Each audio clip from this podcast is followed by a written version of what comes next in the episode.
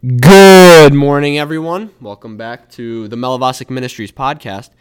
Today I'm here with my friend and my colleague, Gavin. Um, today we're going to be discussing the doctrines of grace, also known as Calvinism. There's an acronym that describes the points of Calvinism called TULIP. If you've heard any of those, it's all basically the same thing, and it's all the gospel, I believe. And so we're going to be talking about that today. We're going to be talking about the different points. We're going to be going over scripture to see if it is biblical and if we should believe it. I'm here once again with my friend Gavin. Say hello. Hello. There he is. Yep. And so let's just jump right into it. All right.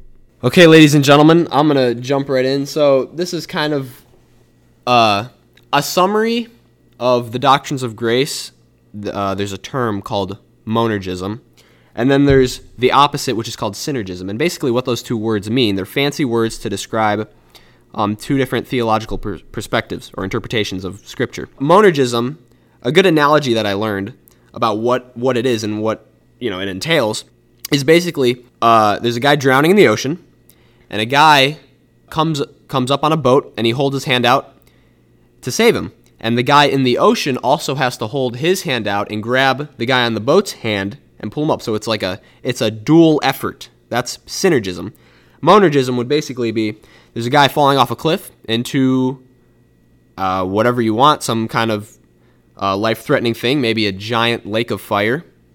um, and God reaches out his hand and grabs him. And that would be monergism, right? It's a one, it's just God doing the whole thing. And so I think monergism would be a good way to describe the doctrines of grace because we believe that essentially justification is solely God's work. And so that that isn't one of the points of the doctrines of grace, but that's kind of an overview of what it is. I'm going to throw out a little disclaimer before we start. I want to point out that we are going to the order that we're going to do this in this episode is we're going to go over the points of Calvinism as a theological system and we're just going to describe what it is. And then in the second half of the episode we'll go over is we'll go over um, the question of whether or not it's biblical and that's when we'll be addressing scripture and things like that. So to start there might not be scripture, but that does not mean we are wolves in sheep's clothing. That means that is just the order we're going to do it. We're going to describe it how it is. So, uh, the first one, the first point is total depravity. And this is my favorite point out of all of them. I, this is just fantastic. Uh, basically, what it, what it means is that we as human beings are completely sinful and dead, right? Like a funny thing, well, not funny, uh, an informative meme I found on social media was a picture of some bones in the dirt, and the caption was, "This is Johnny. He's dead, and let's see if he, you know, chooses to be alive."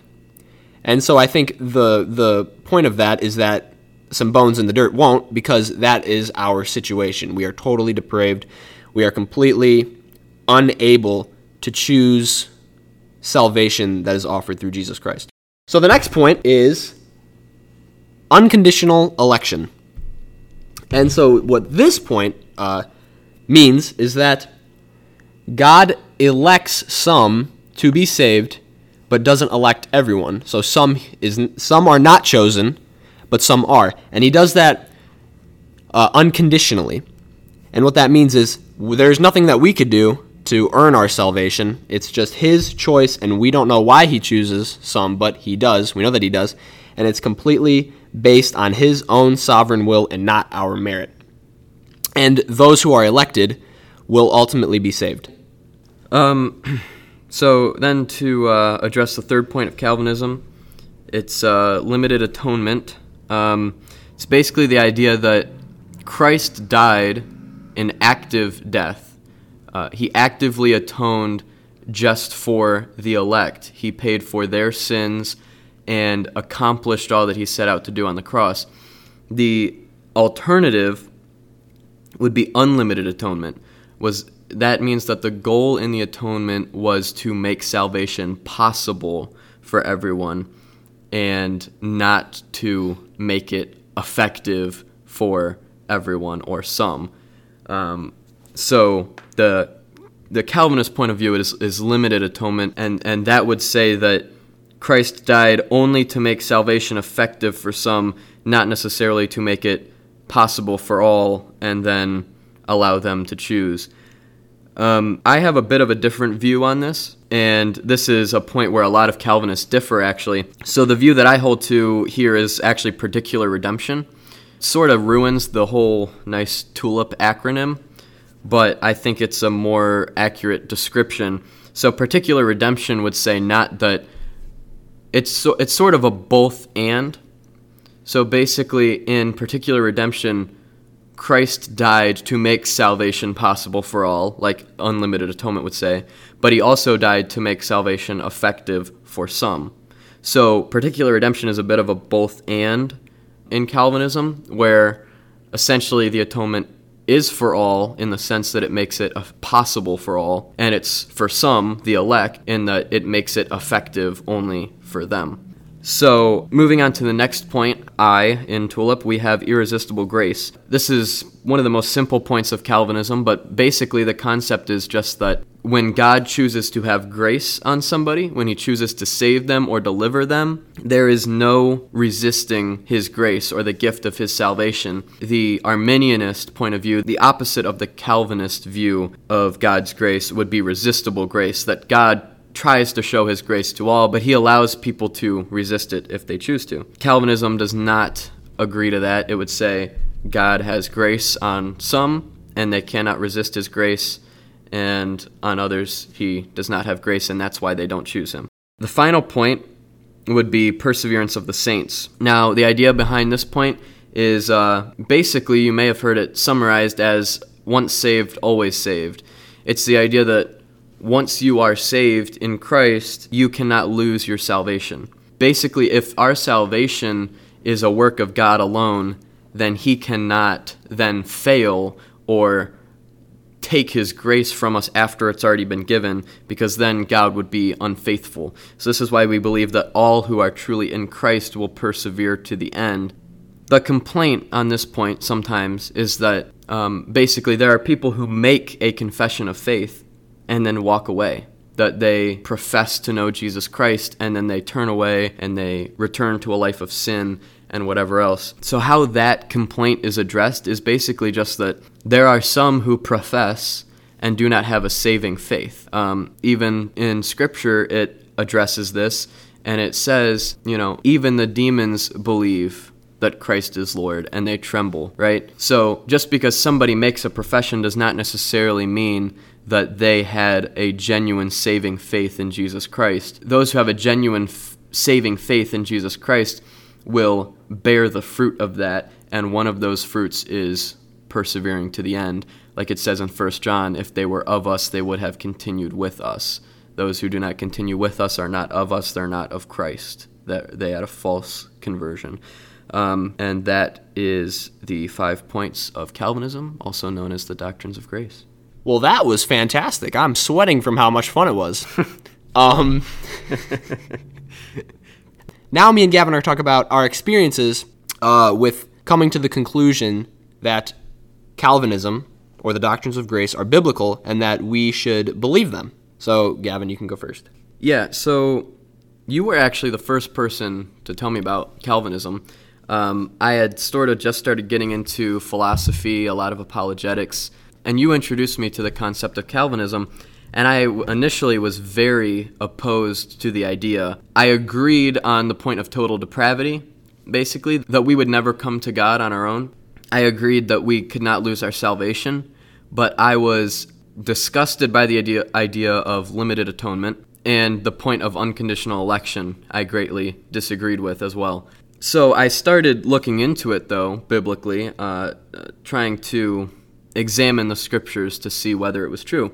And one of the first passages that I went to uh, was Romans 9. And I wanted to read a short section from that.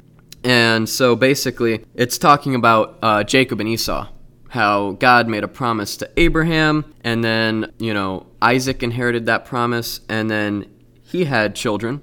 He had Jacob and Esau, the twins. And scripture says this in Romans 9 it says, For though the twins were not yet born and had not done anything good or bad, so that God's purpose according to his choice would stand, not because of works, but because of him who calls, it was said to her, The older will serve the younger, just as it is written, Jacob I loved, but Esau I hated.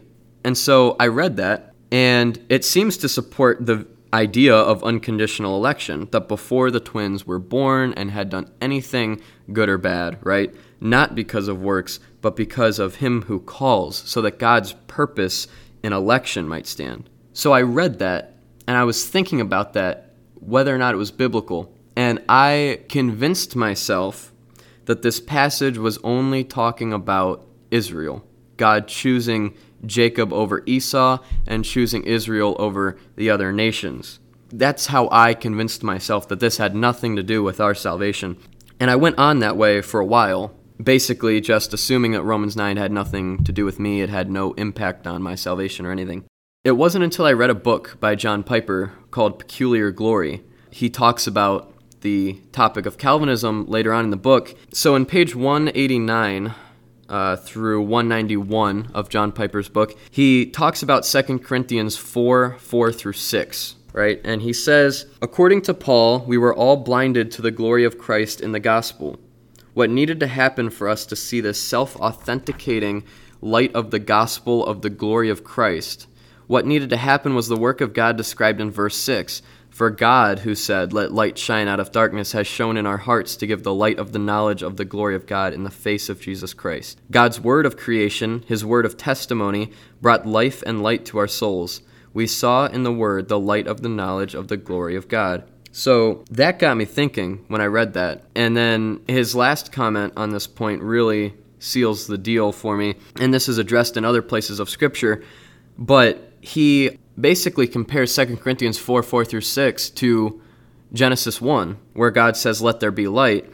Uh, this is what John Piper writes. He says, The light of the knowledge of the glory of God in the face of Christ is visible in the Word of God only to those into whose hearts the Creator of the universe says, Let there be light. The interesting thing about this is that in the beginning, when God spoke into the universe and said, Let there be light, there was no force that could resist His grace there was no force that could stop his light from permeating throughout all of his creation. The same is true in our own souls, right? If God speaks into our souls and says, Let there be light, and he gives us his grace and grants us a saving faith in Jesus Christ, we cannot resist that.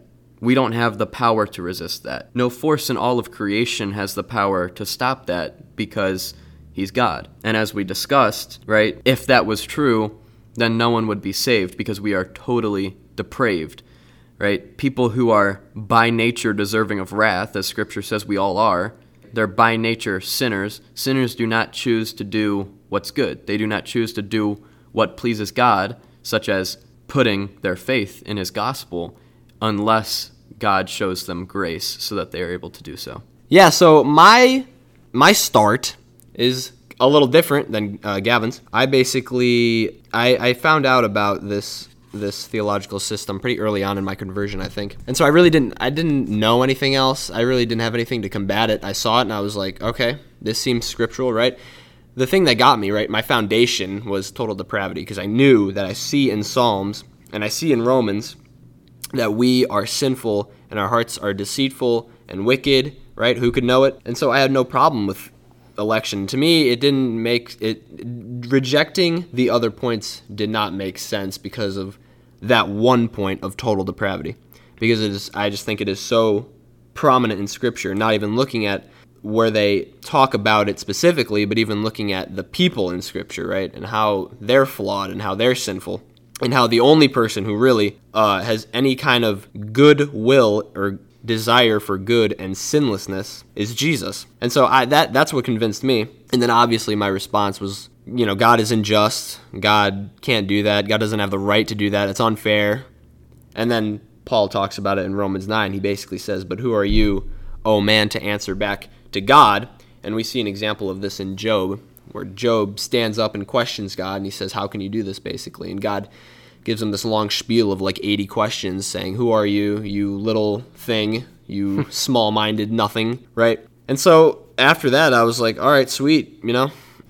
Um, so I want to continue talking about Romans 9 a little bit because I brought it up and, and you just brought it up. It's a very common passage that's discussed when when people go over the issue of Calvinism versus Arminianism. And so I think it's interesting uh, in Romans 9 Paul predicts what the protests to this truth will be, right? So when he says that God elected Jacob unconditionally, he predicts that people will protest and say that God is unjust.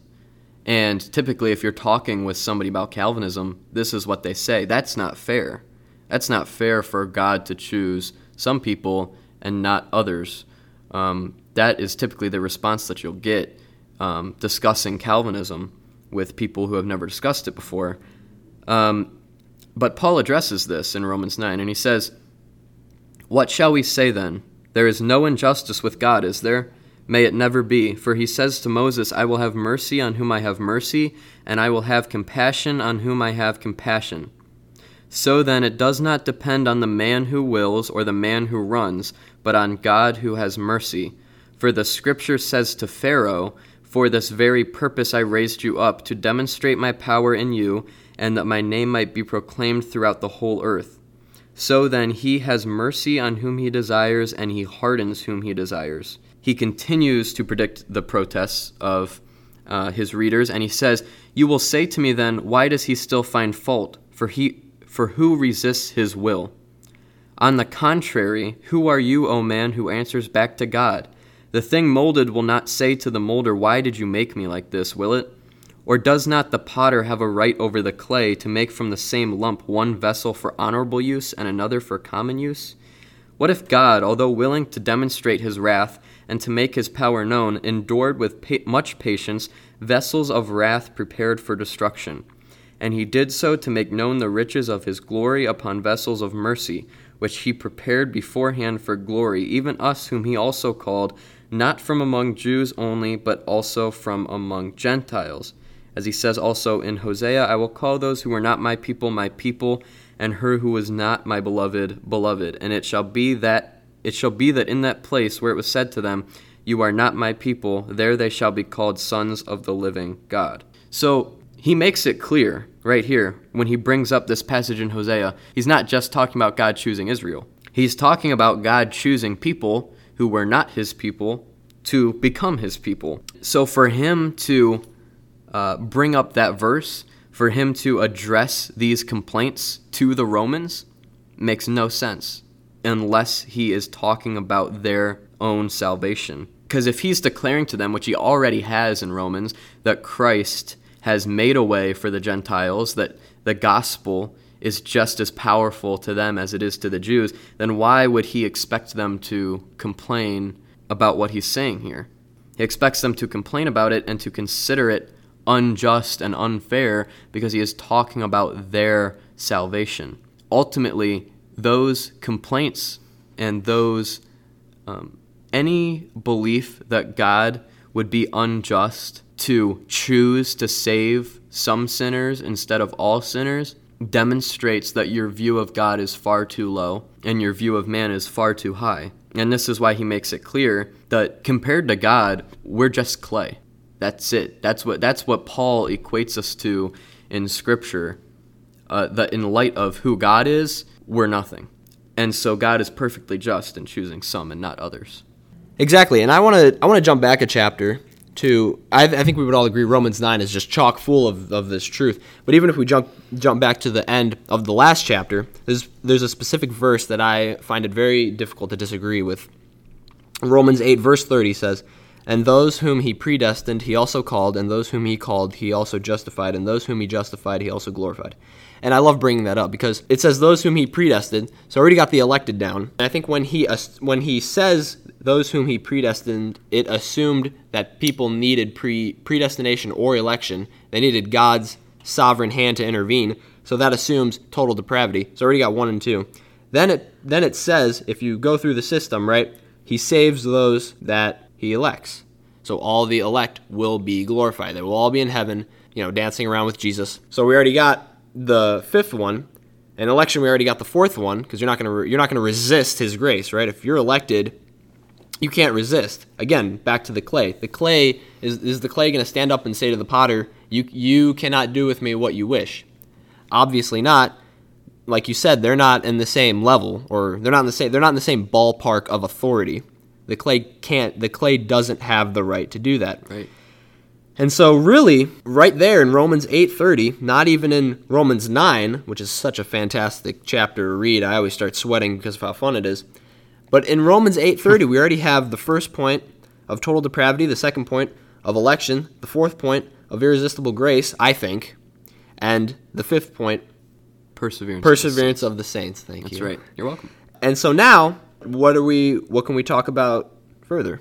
Well, yeah, I think even if we go back a little bit in Romans 8, right? If we're going to be uh, just a few verses back, if we're going to be very detailed with this passage, I think um, it's even more clear about this truth, saying, And we know that God causes all things to work together for good to those who love God, to those who are called according to his purpose. There's a lot just in that one passage right there, right? Because if God causes all things to work together, that is a that is an active statement, right? If God is causing all things to work together, He's not allowing all things to work together. He's not um, interceding where He needs to. He's causing all things to work together. That is sovereign grace. And then if you know if we go down a little bit further, those who are called according to His purpose, right? It doesn't say those who are called according to their own merit. God does not call based on our merit, He calls based on His purpose, right? And then we get into that passage for those whom He foreknew, He also predestined to become conformed to the image of His Son, so that He would be the firstborn among many brethren. And these whom He predestined, He also called, and these whom He called, He also justified, and these whom He justified, He also glorified. And that was something that I, I even tried to use this passage to argue against Calvinism oddly enough. Um, Kicking and screaming. yeah, I went I went kicking and screaming. I really did. I uh, I was not fond of the idea at all, but I do now believe that it's biblical, and I now it is one of the most comforting truths to me now, knowing that my salvation is in God's hands and not in mine. Because if it was in my hands, I would be totally lost. There would be no hope for me. And I think, but the interesting thing about this verse, the way that I tried to use it to argue against Calvinism, is it says, For those whom he foreknew, he also predestined. So I would use that to say, well, he knew that they were going to choose him. So he predestined those that he knew were going to choose him. But here's the thing those whom he foreknew, right? He knew them beforehand. He predestined them before they made the choice. And this is addressed in Romans 9 again, where it says, between Jacob and Esau, before they had done anything good or bad. If this was based on merit, if this was based on who would choose God and who would not, then there would be no need to make this distinction here. Um, he wouldn't need to say those who are called according to his purpose.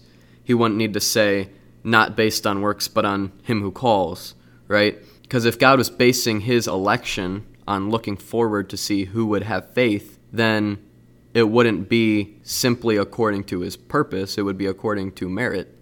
So, what would you say to someone who believes that the Calvinist point of view, and there are a lot of them that believe this, or there are some of them at least I could say, that believe that we think that faith is essentially a work, or that believe that we're saying that faith is essentially a work when we discuss the five points of Calvinism. What would you say about that? Yeah, so I think the typical complaint is that if we're going to say that, so when it comes to the difference between conditional election and unconditional election, we say that election must be unconditional because if election is based on a foreknowledge or, or based on the condition of having faith, then our salvation and God's grace, then our salvation is based on merit and not on grace, right? Some people take that to mean that we believe faith is a work. That's not the Calvinist position. If we're going to look at what Scripture says about our salvation, right, it says, it is by grace through faith, right? It is the gift of God so that no one may boast. So when Scripture says it is by grace through faith, we're not saying that faith is a work if God bases his election on faith. Faith is still distinguished from works. What we're saying is then election, instead of being based on God's grace, is based on our merit, right? Because although faith is not a work, it is still merit. It is something good within us. It is internal, right? So not a work. It is um, not not an external work, but it, it is merit though, because it is good to put our faith in the gospel. Believing the truth is something that pleases God, and those who are by nature deserving of wrath do not please God, either internally or externally. So the argument in Calvinism is not that faith is a work and therefore faith must be a gift of God. The argument is that if faith is not a gift of God, then our salvation is by merit and not by grace. Facts, no printer. um, uh, uh, that was fantastic there, Gavin. Um, we should, we should. So you mentioned something before about how this whole, you know, belief system, whatever you want to call it, is comforting, and I think it is. And even if we we can we can migrate from Romans 8 and 9 to other, you know, passages of scripture where Jesus even talks about these sorts of things. If you want to go to you know where that is where he's like I will not I think it's John 10. John 10, but he who enters by the door is a shepherd of the sheep. To him the doorkeeper opens, and the sheep hear his voice, and he calls his own sheep by name and leads them out. Um, Jesus said to them again, Truly, truly, I say to you, I am the door of the sheep. All who come before me are thieves and robbers, but the sheep did not hear them. I am the door. If anyone enters through me, he will be saved, and he will go into the pasture. Thief comes only to kill, steal, and destroy. I am the good shepherd. The shepherd, the good shepherd, lays down his life for the sheep. He who is a hired hand and not a shepherd, who is not the owner of the sheep, sees the wolf coming and leaves the sheep and flees, and the wolf snatches them and scatters them.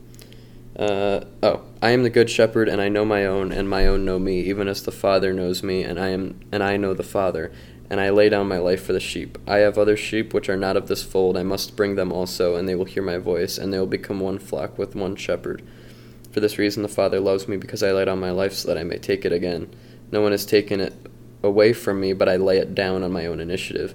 I have authority to lay it down, and I have authority to take it up again. This commandment I received from my Father.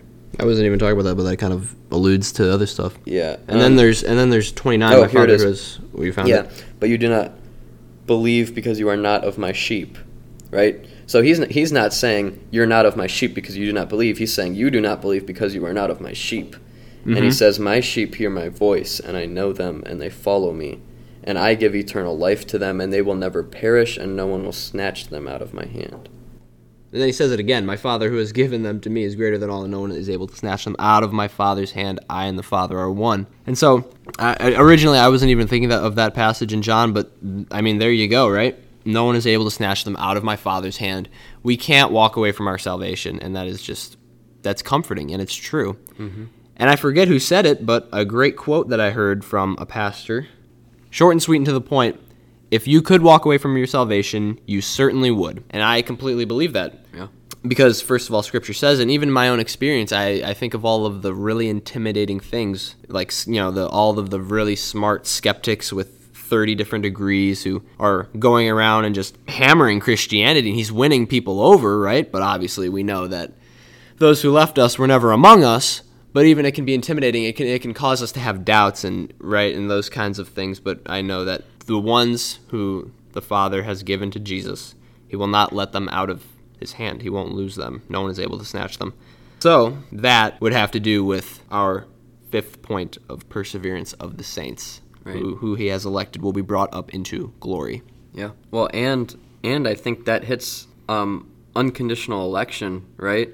Um, Because he says, "You do not believe because you are not of my sheep." Right? He's adding the condition there that the reason they do not believe is because they are not of his sheep. Conditional election would say the opposite that they're not of his sheep because they do not believe. That's not the biblical description of, of how that works, of how we are elected or included among God's sheep and his family and his church.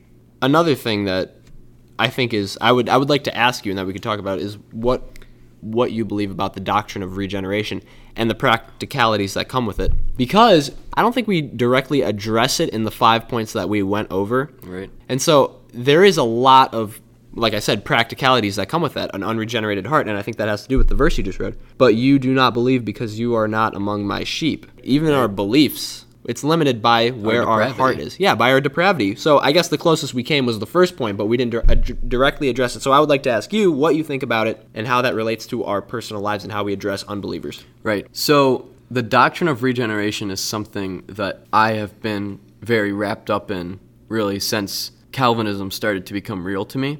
I, I once saw a quote from R.C. Sproul, right? And he said, The whole of Reformed theology hangs on this one truth regeneration precedes faith, right? I'm paraphrasing a little bit, but, but that was Sproul's claim about regeneration. And I think it's, um, I think it's accurate that all of the doctrines of grace, we believe those to be true because we believe regeneration precedes faith. And to address that point biblically, I would point to John 3. So I think I th- I actually think that if the entire church understood John 3 correctly, that 90% of our problems and our theological differences would be resolved. Because in this passage comes the misunderstanding that baptism is required from salvation for salvation.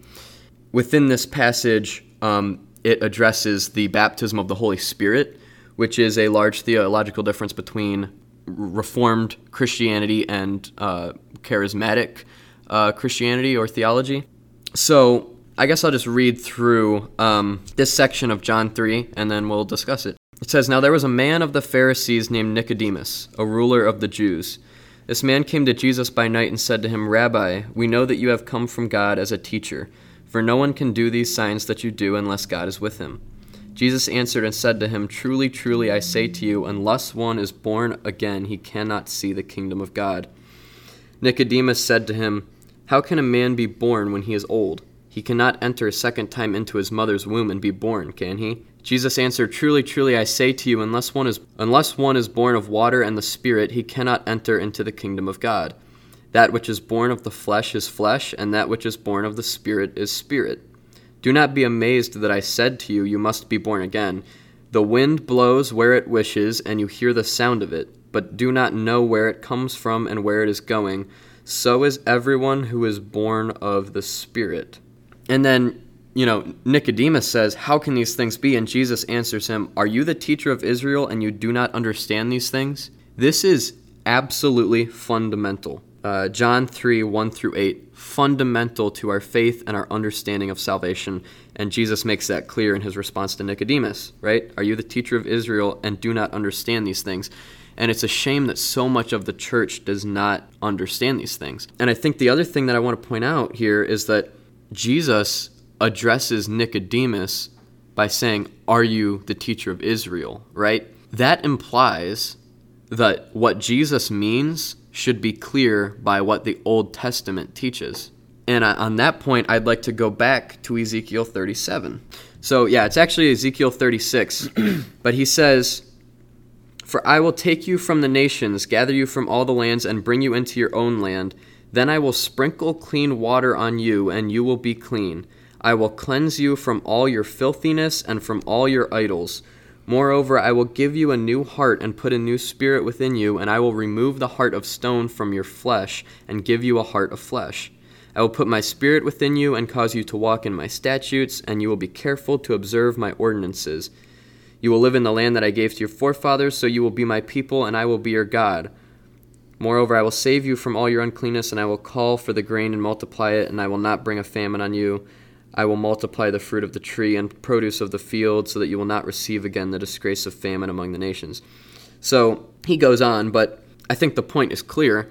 Uh, what I want to point out is that he says, Then I will sprinkle clean water on you, and you will be clean. What he's talking about is changing their hearts, right? This is repentance. He says, I will cleanse you from all your filthiness and from all your idols. So this is God cleansing them from their idolatry. This is God changing their hearts to desire Him. Then he goes on, he says, Moreover, I will give you a new heart, right? That's sprinkling clean water on them. That's what in the Old Testament is called circumcision of the heart, and what we could call in the New Testament baptism of the heart or baptism of the Holy Spirit. These two are the same thing regeneration and repentance. They're the same from the Old Testament to the New Testament. Here's the difference. Moreover, I will give you a new heart and put a new spirit within you, and I will remove the heart of stone from your flesh and give you a heart of flesh. I will put my spirit within you and cause you to walk in my statutes, and you will be careful to observe my ordinances. That's the difference right there. That in the Old Testament, they were regenerated. They repented of their sins by the grace of God. The New Testament, 2 Timothy 2:25 says that God grants us repentance. Repentance is not something that we produce within ourselves. But the difference between the Old Testament and the New Testament is that in the New Testament, God is not just changing our hearts, right? The Spirit does not just change our hearts and then leave, right? He changes our hearts and then He dwells within them. And so now, again, I want to bring it back to John 3 now that we've put it in the context of the Old Testament, right? Because Jesus said these things should be clear to you. You're a teacher of the law. They should be clear by what the Old Testament teaches. And now here's what he says Unless one is born of water and the Spirit, he cannot enter into the kingdom of God. Is he talking about water baptism when he says born of water and the Spirit? Or is he talking about Ezekiel 36, where it says that God will sprinkle clean water on us and give us his Spirit? And now, to get into how this all relates to Calvinism, in verse 8, it says, The wind blows where it wishes, and you hear the sound of it, but do not know where it comes from and where it is going. So is everyone who is born of the Spirit. The reason that this is interesting, that this is an interesting analogy, is that both in the Hebrew and the Greek, the word for wind and the word for spirit are exactly the same. They're interpreted based on context. So here Jesus uses an analogy to say the wind blows where it wishes, and you hear the sound of it, right? So if this analogy is accurate, what he's saying is the Spirit works in the hearts of whom he wishes. It's not that he's trying to work in people's hearts and they're like, no, I don't want you, basically, and then some do want him, which would imply that there is some good in them, which is not biblical. It's that the Spirit works in the hearts of some to produce saving faith, right? He works in the hearts of all in some ways. This is what we call common grace. Um, this is why not every action that somebody does is is bad or appears to be bad. But as far as saving faith goes, the saving work of God, this is something that only some receive. So the Holy Spirit works in the hearts of whom He wishes. He regenerates those whom He wishes. And this is something that happens internally. We don't see who He's regenerating and who He's not. This happens within the heart. And all we, all we do is see the fruit of it, as is described in other places in Scripture. But he says, So is everyone who is born of the Spirit. This is the doctrine of regeneration. That God regenerates our hearts, He purges the idolatry from us, changes our desire from sin to Himself, to, from sin to righteousness and holiness. And that's also what produces repentance, right? Um, repentance is the word that we use to refer to that on a more practical level.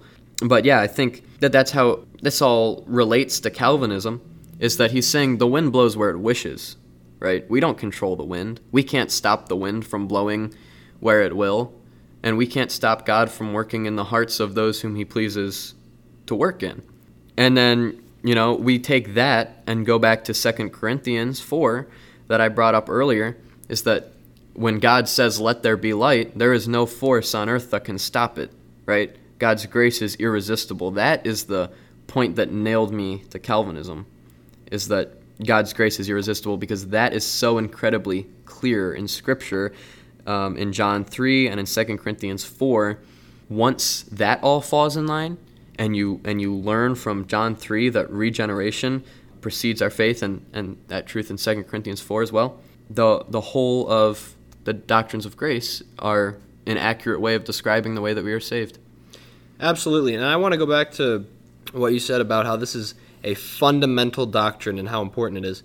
I I, re- I believe that even now thinking about it, that's why we that's why we really don't address it in the doctrines of grace because the doctrines of grace bounce off of this this central doctrine. It's central, and I even want to go back to Romans 8:30 and show you how central it is. right? You see election, and then you skip to to uh, its logical conclusion, which is glorification, right? But the two in the middle that we kind of skip are the call and the justification. And in the middle of the middle two is our born again regeneration. Right. So it's central, right? And so that's just what I wanted to nail is that how awesome this is and how how practical this is. And that's why you don't marry an unregenerated heart. That's why you don't fellowship with them. That's why you don't let them influence your life. That's why you don't take advice from them. Because there is such a difference in the heart, and this is not an arrogant statement. This is a biblical doctrine. There is such a difference in the in the knowledge, the beliefs, the intention, the desires, the affections of of a regenerated heart and unregenerated heart. Amen. Yeah, um, I think that's a great point. I wanted to just uh, look at what you said about you know in Scripture where it says that Romans eight thirty, correct? Um, it talks about those whom He calls, right? I want to talk about something a little bit and kind of get back into the whole limited atonement, particular redemption. I mentioned it during the you know um, initial overview, but I wanted to really get into that and what what we mean by that because um, it's probably confusing with just the brief description. When we talk about God's calling, what is typically held to in Reformed theology is that God calls in two ways that there is a passive calling and an active calling. So the passive call of God is that all are called to repent, right? Everyone. Everyone is responsible to repent though they may be sinners by nature and unable to do so, they're still responsible, right? They're still responsible to repent because of, yeah, I mean, God, God commands all men to repent. They may be unable to do so because they are totally depraved in their nature because of the sin of Adam, but they're still called to do so. It's still the command, the imperative of God. And so when we look at the way that, that God calls, right, we see that God calls all men everywhere to repent, and he desires that all should come to repent, that none should perish. However, if God is all powerful and all men have not repented, then there must be something that God desires more than for all men to come to repentance, right? That must be a passive desire, his part of his passive will, not his active will. So then when we look at the active call, right, and his active desire, his active will, what he's actually initiating and performing in the hearts of men. We see that, um, I think one scripture that really summarizes this is simply, Many are called and few are chosen, right? Is that everyone is called to repent, but few are chosen to be granted repentance. And a lot of people argue that that is arrogant to think that God would choose you over other people. But actually, right, if you hold to Calvinism in its pure sense and in a biblical sense, what you're saying is not that God chose you because you're better than other people. You're saying, God chose me because he's good. God chose me because even though I didn't deserve it, he wanted to show mercy and grace to me and my only worth is in my unworthiness, right? That is the humility that true Calvinism brings right? Because the alternative is saying God chose me because of my merit. God chose me because I was willing to choose him. That is arrogant mm-hmm. in my mind and biblically, I believe. I believe that Calvinism brings great humility and great thankfulness to God, knowing that you never could have accomplished this on your own. I just think one important disclaimer here uh, as well is that we do not claim to know who the elect are and aren't, right? Because of John 3 8, where it says, but do not know where it comes from and where it is going. We can't see who has been regenerated. We can't see who will be regenerated. All right? God knows, right? Those whom he foreknew and predestined, God knows who his elect are. But we do not know because we can't see the wind. We can't see the Spirit working in people's hearts. We just see the, the evidence, the fruit of that. But, you know, in terms of evangelism, right, this is why we're commanded to bring the word to all men because we simply do not know who God has chosen to be brought in to the flock, right? And because we do not know, we preach it to all men. We hope that all men repent. We recognize the reality that all men won't, not or that not all men will. And we just leave it in the hands of God who's sovereign and who is far wiser than we are. Yeah, and I like how you brought up the evangelism thing. That's what I was thinking about right off the bat after you made that point.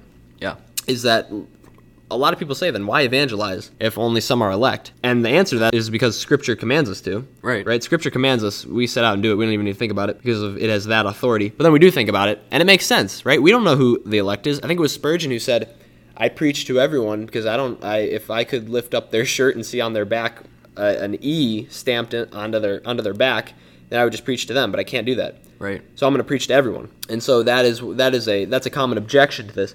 Yeah. The other thing about um, that whole uh, objection is that is that God, even though He is sovereign, right? The sovereignty of God does not necessitate that the world seems random and inconsequential. Because everyone says, then why evangelize, right? Because God is just going to save whoever He wants to anyway.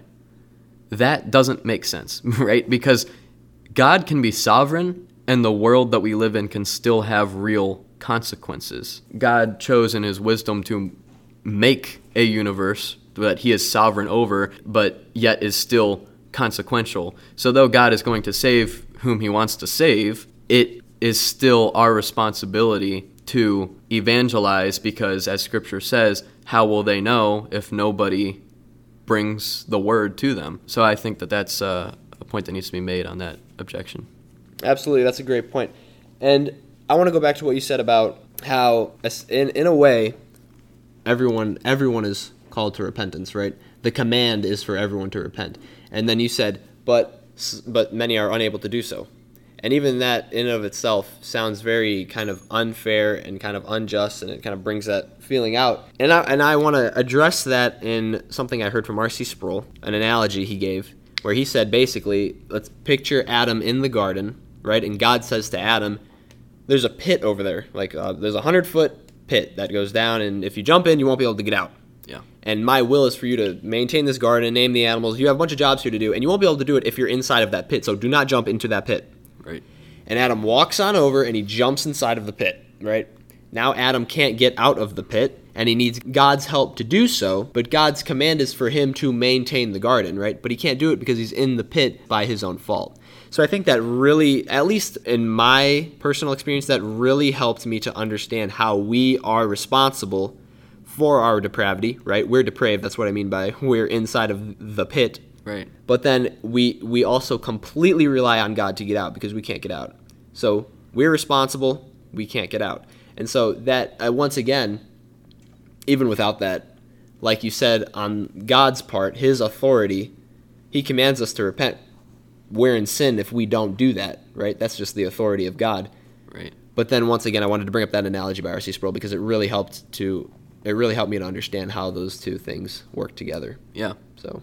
Yeah, I think that's a great analogy, and I think also, you know, when we think about is Calvinism is God choosing to save some and not others is that unjust? Really, that's only unjust if we adopt a Marxist philosophy, right, which is equity over equality. Basically applying Marxist economic and social ideals to God's economy and saying that justice is found in equal outcome, right? Equity. Instead of justice is found in equal opportunity, which is equality. All men, right, are called to repent. All men are given a choice to repent. The fact that many are unable to do so because they are in their own nature deserving of wrath does not make God unjust because God does not owe his grace to anybody. The fact that God shows grace to any sinner is astounding, and it's a testimony to how good he is. If he saved one, that would be an amazing demonstration of his goodness and his grace and his glory. And then from there, we also consider what it talks about in Romans 9 which is that God deals with the vessels prepared for destruction with great patience. The fact that He allows them to live in this world, right, that He shows them what we call common grace, and I've already mentioned this a little bit, that He allows them to enjoy from this creation the pieces of His goodness and His beauty that remain in our creation, and His creation, I mean. The fact that He allows all sinners to enjoy that common grace and that he deals with them in patience and gives them life and, sh- and provides them with food and relationship and work and rest. The fact that he provides them all these things and shows his common grace to all men is a demonstration again to his glory and his goodness because that's not owed to anyone. We're undeserving of his grace by nature. And that's why these objections to Calvinism that it is unjust, that God would be unfair to save some and not others, it just demonstrates a low view of who God is by nature and who we are, and a, and a high, too high a view of who we are by nature. You know, God is by nature holy, and we are by nature sinners. And so, God, as I said, does not owe us anything. We are not entitled to any of His grace, let alone salvation and an eternity uh, in His presence and receiving, you know, all of the good things that He has prepared for us. And even jump to the other side of that coin, and this comes up mostly in the argument do babies go to heaven? Which Gavin has addressed on his website, thebetterpromise.com, if you're not. Subscribe to his Instagram, also, The Better Promise. The Better Promise site. The Better Pro- I'm sorry. I'm sorry. uh, um, Shameless plug, you know. I know. Might be. Gotta throw it in there. Yeah. Um, do babies go to heaven, right? We don't we don't know. If if they all did, if some of them did, right? We know that babies just they don't have the capacity to show sanctification. They can't show fruit. You can't go up to a baby and say stop sinning, right? We don't really view that as how it works, how that works, right? They don't show fruit really, other than they, you know, they cry a lot, they spit a lot. Um, but Very sinful behavior. I know. It's terrible. but anyway, we know we, we can make an assumption of who's saved, right? We, we don't we don't know. We don't know for a fact, but we do see people's fruit. And with babies, you know, not not really. So the question is do they go to heaven? That's why the question is brought up. And so I guess the the answer would be or not well okay, apart from the answer, the answer could be one way or the other way and whether or not you think one or the other I guess doesn't relate to what I was what I brought it up or the point I was making by bringing it up. And the point I was making was the question is do babies go to heaven or hell? And whether they do or not, we don't know for sure, but whether they do or not, that that, that doesn't take away from God any of his amazing attributes. He's not any less holy. He's not any less amazing. He's not any less worthy to be praised and glorified. He's punishing if he send if he sends every baby to hell. If he sends every person to hell, which is different because we know in scripture that he's not, but assume that and we know he's not he's that doesn't make him unjust because he's punishing sinners for their sin. It's like I mean, that's what he does. That's who he is, right? Bob the Builder builds because that is who Bob the Builder is. And if Bob the Builder didn't build, it would take away from his, you know, awesomeness. a bad a bad analogy probably, but I, what I was going with that was Not horrible though, because it is a necessary characteristic it of is a Bob the Builder he is. wouldn't be Bob the he'd just be Bob. he he yeah, God yeah, God the Builder wouldn't anyway. Would you like to respond to that? Um, I'm gonna have to edit that to make it sound yeah, good. So, um, no, I actually think that you are on the right track. Is that God's holiness, God's justice, um, His glory and goodness are necessary characteristics of who He is. If those were not true of Him, then He would cease to be God. And for Him to choose to send all people to hell, that would be just, right? If if God hates evil and punishes sinners for their sin, that's justice. That demonstrates his goodness. If God, through just means by the gospel, chooses to save sinners and show them his grace, he's also demonstrating his goodness and his glory. You know, some people, this is getting a bit off topic of um, Calvinism and the doctrines of grace, but I think it's important. This and- is just a conversation. yeah, right. We're just talking. So, but I was listening to Steve Lawson and Dot, and Todd Friel on Wretched Radio. They were talking about hell, the doctrine of hell. Should we preach it? Um, what place does it have in the church? How should we view it? And they said the doctrine of hell has become some necessary evil that we try to avoid talking about as much as possible. They said that is not a biblical understanding of hell. Hell demonstrates the goodness and the glory of God and who He is. Because in sending sinners to hell, God is exacting justice on guilty sinners. So, you know, That's, that's fantastic. not right and not to say not to say again that we're that we want as many people in hell as possible and we're not going to mm-hmm. evangelize. That's not what anybody's what anybody is saying right? We're commanded to evangelize better for them to be in heaven for their sake and for God so that he receives more glory. But God has chosen that some would perish in hell. God has chosen that to be the case, and He is not any less good for it. That hell is not a necessary evil, it is a necessary good, actually. And that people always say, How can God allow evil if He's good, right? This is a, like an even more basic question than the question of Calvinism versus Arminianism. The answer to that question is God doesn't allow evil ultimately right? He's allowing it for a time, and it may seem like an eternity in our eyes, but it's not. This is a uh, this is a vapor, right? In the whole span of eternity, God is allowing evil for a time so that His goodness and glory can be made known for all time. So ultimately, God does not allow evil, and that's the doctrine of hell, because eventually, all sinners will be punished, and all of the believers who were treated unfairly and who were persecuted by the world, even though they were trying to bring the gospel and the love of God to them. You know, they were persecuted and killed. There will be justice for those believers. That is a beautiful truth that we find in God's word. It's not, um, it's not a necessary evil. It's not something to be avoided.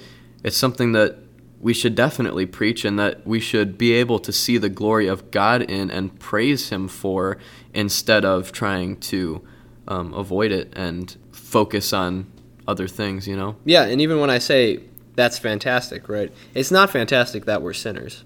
We sinned against God, we rebelled against God, but it's fantastic that God would judge us accordingly. Amen.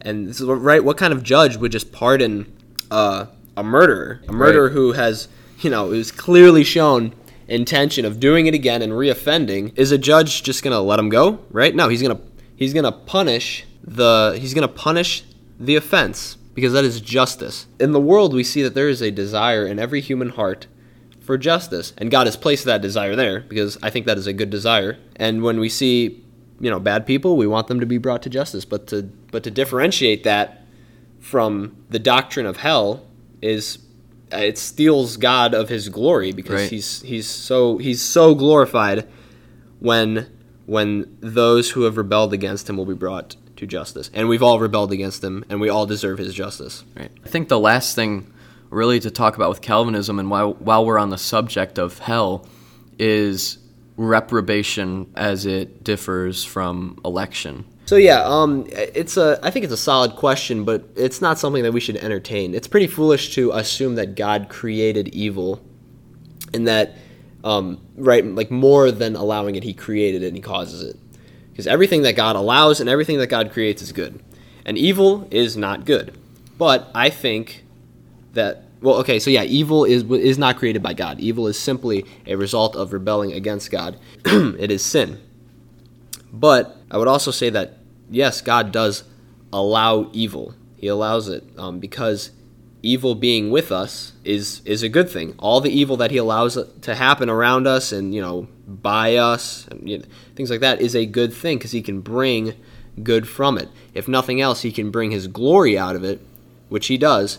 And that is, and we know that that is completely worth it on God's part to bring His glory out of that. And so, just like I, just like the great Sproul analogy that I um, explained poorly earlier, I think summarizes, I guess, how how it all works together. Is that we have, we've caused evil. It's our it's our fault. We've caused it, but He allows it. Right? You go back to, to Genesis, the end of Genesis. Joseph said, "What you what you intended for evil, God intended for good." I think I'm paraphrasing. Yeah.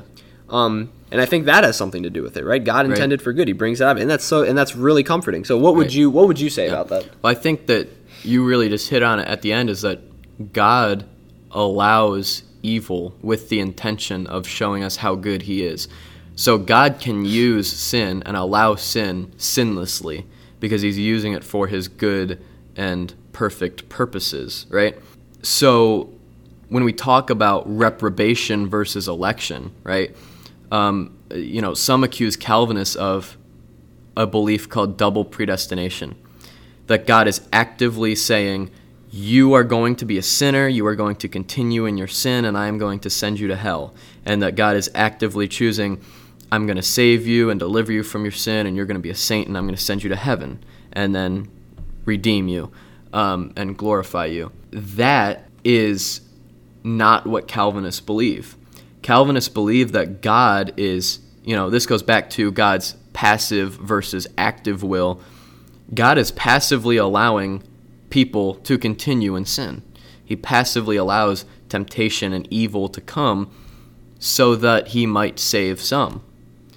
And so God is passively allowing evil with the purpose of showing how good he is, and he's actively choosing to save and deliver people from that good. And I think to summarize this whole point in the comfort of um, knowing that God is sovereign over all things, that God is sovereign over our salvation, that it's in his hands, um, and how that testifies to his goodness. I think it's summarized in James 1, where he says, Every good and perfect gift is from the Father. Right, we've talked about a lot of things in this episode. We've talked about God's common grace, we've talked about his saving grace, and we've even talked about how he allows evil with the purpose of showing his goodness and his glory. The ultimate comfort is knowing that every good and perfect gift is from him, right?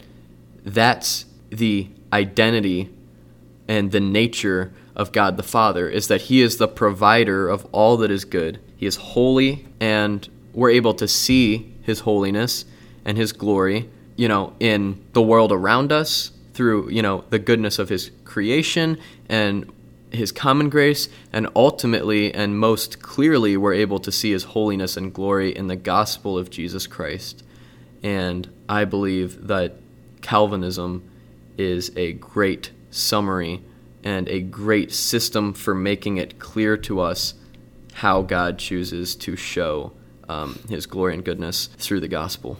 Absolutely, and I think even uh, to back up farther, why we why we study theology, right? A lot of people think theology is just some complicated lines of information, but what it is is we're unpacking scripture because we want to know God. And a great quote that I heard by a lovely man named Steve McVey is as you come to know him more, you will love him more, right? Draw near to God and he will draw near to you. So that's why we know him theology, the study of God. We want to know who He is. We want to know. We want to know what He's like, and we, that's found in Scripture. And that's why we. Lo- that's why we have these fun conversations. Once again, I'm sweating from how fun this was because here at Melavosic Ministries, we put the fun back in fundamentalism. So with that, this will be the end of the episode.